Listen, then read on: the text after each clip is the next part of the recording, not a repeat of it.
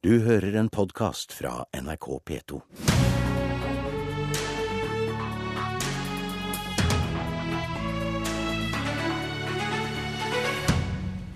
Velkommen til Politisk kvarter, olje- og energiminister Tord Lien. Takk for det. Pleier du å markere 5. juni? Uh, nei, det, det, gjør jeg ikke. Men du vet at det er At det er jubileumsdag for uh, invasjonen i Normandie, går jeg ut ifra du tenker på? Nei, jeg tenkte på at det er verdens miljødag. Ja, ah, ok, Godt poeng. Men jeg skal si at jeg måtte selv bli minnet på det for noen dager siden, for jeg visste det ikke selv. Men er klimaspørsmålet den største utfordringen verden har? Nei, Klimautfordringa er en betydelig utfordring, helt åpenbart, som regjeringa adresserer med stor kraft i mange departementer. I mitt departement jobber vi med både økt produksjon av fornybar energi, med karbonfangst og -lagring, og, og bidra til mer effektiv bruk av energi. Samtidig som jeg har lyst til å være veldig tydelig på at en av de mest effektive tiltakene vi kan gjøre for å redusere utslippene av klimagasser, er å erstatte kullkraft med gasskraft, gjerne produsert på norsk sokkel. Ja, for i dag er en historisk dag. Stortinget skal for første gang diskutere et forslag om å stanse all leting etter olje og gass. Og I går så nektet du for at du hadde sagt at du vil ha opp all olje og gass på norsk sokkel. Du snakket om allerede åpnede felt. Men du mener, som vi hørte nå, at norsk olje og gass er en del av løsningen. Det erstatter kull, og vi gjør det Vi, vi framvinner fossilt drivstoff renere enn andre. Og rent logisk da, bør vi ikke pumpe opp alt vi har?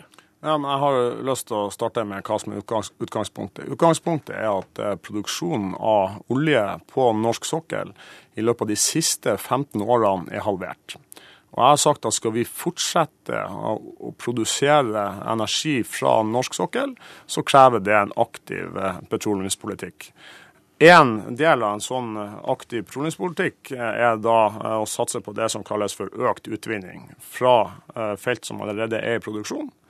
Og Klarer vi å øke utvinninga av disse feltene med 1% så har det en verdi for Norge på 300 milliarder kroner. Men da gikk du akkurat forbi spørsmålet jeg stilte. for det jeg lurte på. Hvis du mener at norsk olje og gass er en del av løsningen, bør vi ikke da pumpe opp all olje og gass på norsk sokkel? Ikke bare de feltene vi har åpna, med den logikken. Jeg er, både jeg og regjeringa er opptatt av å få på plass en offensiv klimapolitikk internasjonalt. Det er klart det aller viktigste virkemidlet i så måte er å få på plass en internasjonal karbonpris. Det vil bidra til at verdens utslipp av CO2 går ned.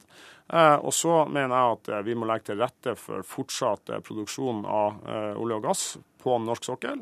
Jeg mener at gass er en, en viktig del av løsninga på klimautfordringen. Og vi vet at verden trenger energi. Norge trenger arbeidsplasser og verdiskapning. Og det området som nå i fremtida kommer til å ta en betydelig del av veksten i petroleumsindustrien, det er Nord-Norge. Nå har Sør-Norge i 40-50 år deltatt i dette industrielle eventyret, og regjeringa er opptatt av å legge til rette for at også dette industrielle eventyret skal komme til Nord-Norge. Jeg er fremdeles usikker på om du svarte på spørsmålet, men Rasmus Hansson, stortingsrepresentant for Miljøpartiet De Grønne. Forslaget ditt om å stanse 23. konsesjonsrunde, stanse oljeeventyret. Nesten alle er enig med Lien? Eh, mange er enig med Lien, Nesten men alle. som du hører, så begynner altså eh, eh, dilemmaet i norsk olje- og klimapolitikk å bite seg fast selv hos en, en, en oljestatsråd fra Frp. Altså det faktum at man ikke lenger klarer å forsvare en politikk som går ut på i virkeligheten å pumpe opp så mye olje og gass som vi bare klarer, samtidig som man påstår at man skal gjøre den internasjonale klimajobben. Derfor har uh, Tord Lien eh, rodd litt eh, etter at han i går eller foregårs ble tolket som om han sa hent opp alt. Og norsk oljepolitikk går i virkeligheten ut på hent opp alt. Derfor roste jeg Tord Lien i går for å være den som har en ærlig omtale av det som er det store norske politiske flertallets politikk, men det er altså en politikk som er stikk i strid med den kunnskapen vi har, nemlig at vi har allerede funnet altfor mye olje og gass. Vi må ifølge FNs klimapanels nyeste og tyngste rapport la mesteparten ligge. Og da må Norge også begynne å stille seg spørsmålet hvordan skal vi gjøre det? Derfor foreslår Miljøpartiet De Grønne og har en debatt i Stortinget i dag om at vi ikke skal lete etter mer olje som vi allikevel ikke kan bruke fordi vi allerede har funnet for mye. Du, du, noterte noe aggressivt ned på blokka di når han begynte å snakke der. Jeg har bare lyst til å si at På ett punkt så har Rasmus Hansson helt rett. Altså Det jeg har tatt ordet for, er jo forankra i, i, Stortinget, basert på ei uh, melding som den rød-grønne regjeringa la frem. og Den heter altså 'En næring for fremtida'.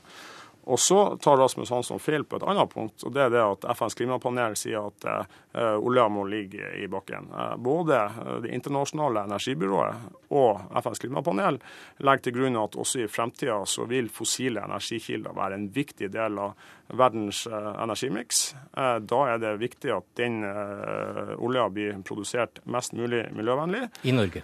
Eh, blant annet Norge. Husk på, Vi har i Norge det strengeste klimaregimet noe industri noe sted i verden har. Det gjør at de som produserer olje og gass på norsk sokkel hver eneste dag, jobber for å få ned eh, CO2-utslippene. Det er selvfølgelig eh, kjempebra. Dette spesielle norske regnestykket, eller eventyret man vil kalle det, som går ut på at akkurat Norge Eh, skal få holde på med olje og gass eh, i full fart, mens resten av verden på et eller annet magisk vis skal bestemme seg for å la være å utnytte sine ressurser i Kina, i Ukraina, i Sør-Afrika osv. Eh, det er jo et eventyr som blir mer og mer frynsete, og som selvfølgelig utenfor Norges grenser møtes med skuldertrekk. Og så er det jo også veldig viktig å understreke at det vi gjør bra i Norge eh, på produksjonssida, altså relativt effektiv produksjon, ikke verdens, eh, ikke verdens mest effektive, det eh, løser 5% av det klimaproblemet som norsk oljeproduksjon lager. De øvrige 95% det er den oljen vi eksporterer og den gassen vi eksporterer som blir brent andre steder og suser ut i atmosfæren. Så nå må altså Norge ta det ordentlige ansvaret vi har. og Det er derfor Miljøpartiet De Grønne foreslår at vi må bremse letingen etter ny olje og gass. Eh, fordi det er det som bestemmer hvor mye vi skal være med å slippe ut i framtida. Men Rasmus Hansson, det er, det er overforenkling å legge til grunn at eh, fossile energikilder er fossile energikilder. Vi vet at erstatter vi kull med gass, så halverer vi CO2-utslippene. Hvis vi i tillegg kombinerer dette med karbonfangst og -lagring, som vi må få til på, på lang sikt, så, så, vil mye av disse problemene være håndtert. Og så har jeg lyst til å si at Det jeg som olje- og energiminister må ta hensyn til, er at vi snakker om 250 000 arbeidsplasser og en tredjedel av statens inntekt. Og så må jeg til slutt, nå tiden løper fra oss, men jeg får spørre deg, Lien. I går ble Stortinget enige om elektrifisering av alle plattformene på Utsira, at man da skal ha miljøvennlig kraft fra land for å drive de plattformene. Og Betyr det at det vil stilles samme klare krav til alle nye felt i fremtiden? Nå har jeg oppfatta at også flertallet i komiteen har eh, sagt at dette er et enkelttilfelle. og at... Eh, Så svaret er nei? At det kan komme felt i framtida som får lov til å drives det, uten elektrifisering? Det stilles svært strenge krav til aktivitet på norsk sokkel, og de, de, betaler altså 450 kroner per tonn for å slippe ut CO2. Det er ti ganger mer enn industrien i Europa. Sluttreplikk til det svaret, så, så, langt rekker altså eh, klimaengasjementet til eh, oljestatsråden eh, denne gangen. Norge er nødt til å begynne eh, nedtrapping av oljevirksomheten vår, og vi er nødt til å innse at vi ikke kan pumpe opp alt vi har. Det skjer ikke i dag. Så mye kan vi i hvert fall konkludere med.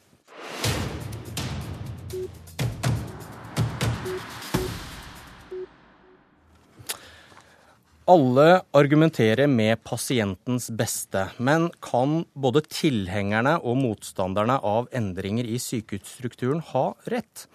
I dag bestemmer helseminister Bent Høie om lokalsykehusene i Rjukan og Kragerø kan legges ned. Kjersti Toppe, du er nestleder i helse- og omsorgskomiteen på Stortinget fra Senterpartiet. Er du optimist i dag? Eh, nei, jeg er litt usikker i dag på hva Bent Høie bestemmer seg for. Det er jo en veldig eh, alvorlig beslutning han skal ta, og den har jo store konsekvenser. Ikke bare for det som skjer i Telemark, men òg for resten av landet. For nå bestemmer han på hva slags nivå og hva slags beslutning et foretak eh, skal kunne eh, foreta, og hva utviklingsplaner faktisk kan munne ut i. Altså om det skal kunne nedlegge sykehus i, i Norge fremover. Du var på besøk på et av disse sykehusene i går. Kan du kort fortelle hva mener du konsekvensene av en nedleggelse vil bli? Konsekvensen er at eh, en da legger ned et eh, veldig godt eh, faglig tilbud. At befolkningen i i Distrikts-Norge får lengre reisevei til helt nødvendige eh, helsetilbud. At en svekker beredskapen og skaper utrygghet i befolkningen. Det er jo konsekvensen der oppe eh, lokalt. og Det var et mektig møte jeg hadde i går, når jeg fikk møte det fagmiljøet som var der oppe, som ikke hadde møtt sin ledelse på den måten. Eh, ingen hadde tatt det i hånda og snakka med dem. Det er òg slett lederskap der som har skjedd ute i de utviklingsprosessene som har gått. Det må jeg bare få understreke. Kristin Ørmen Johnsen fra Høyre, du sitter også i helse- og omsorgskomiteen. Hva, hva syns du om Senterpartiets kamp mot at alle lokalsykehus blir lagt ned? Ja, Først vil jeg jo si at uh, Norge har jo et av Europas beste helsevesen. Uh, og skal vi fortsette å ha det, så er det nødt til å være omlegginger. Og det handler også om struktur. Uh, jeg er opptatt av kvalitet, og at pasientene skal ha et godt kvalitativt tilbud. Det samme argumentet som Toppe brukte mot ja, endringer. Men det betyr at noen ganger så må man flytte tjenester Eh, for at de skal bli bedre, at man skal få en økt kvalitet. Har du et ekse konkret eksempel på eh, når man må gjøre noe, når det er eh, rettferdiggjort av pasientens beste? Ja, det, og det har jo skjedd i de årene den rød-grønne regjeringen har sittet. Det har vel aldri vært gjort så mange strukturelle endringer. Og jeg merker meg jo at Senterpartiet har eh, protestert på det.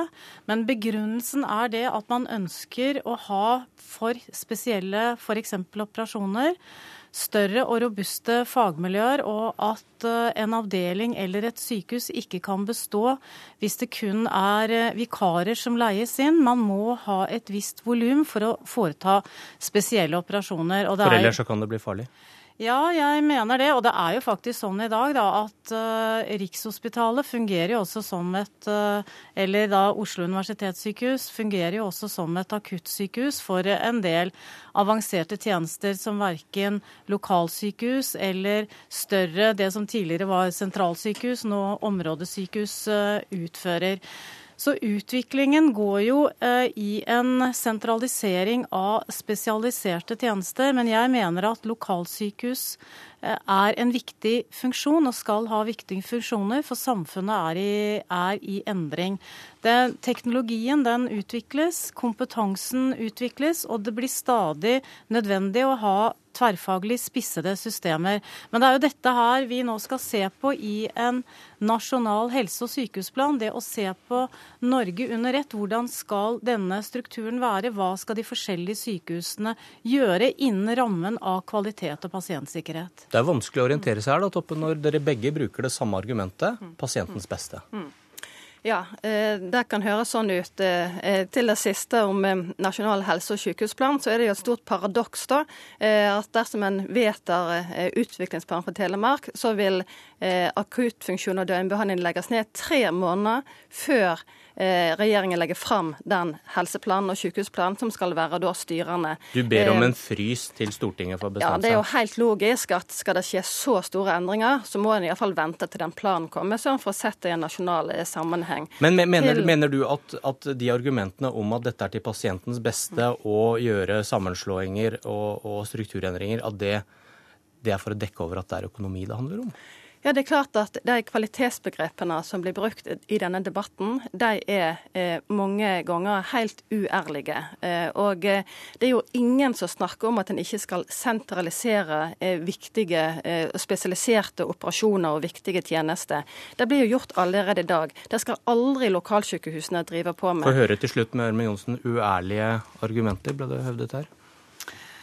Nå har vi i regjeringserklæringen sagt at den eneste begrunnelsen til å da eh, avvikle akutt- eller fødetilbud, det skal være kvalitet. Og det skal ikke være økonomi. Det har vel aldri blitt brukt så mange penger på helsevesenet som det har vært gjort nå, og spesialisthelsetjenesten. Og det er kvalitet på tjenesten som må være fokus. Pasienten må få det beste. Da, da sier jeg, må jeg si, tiden løper fra oss. Takk til Kjersti Toppe og takk til Kristin Ørmen Johnsen. Vi får følge med senere i dag hva Bent Høie bestemmer seg for. Politisk kvarter er slutt. Jeg heter Bjørn Myklebust. Du har hørt en podkast fra NRK P2.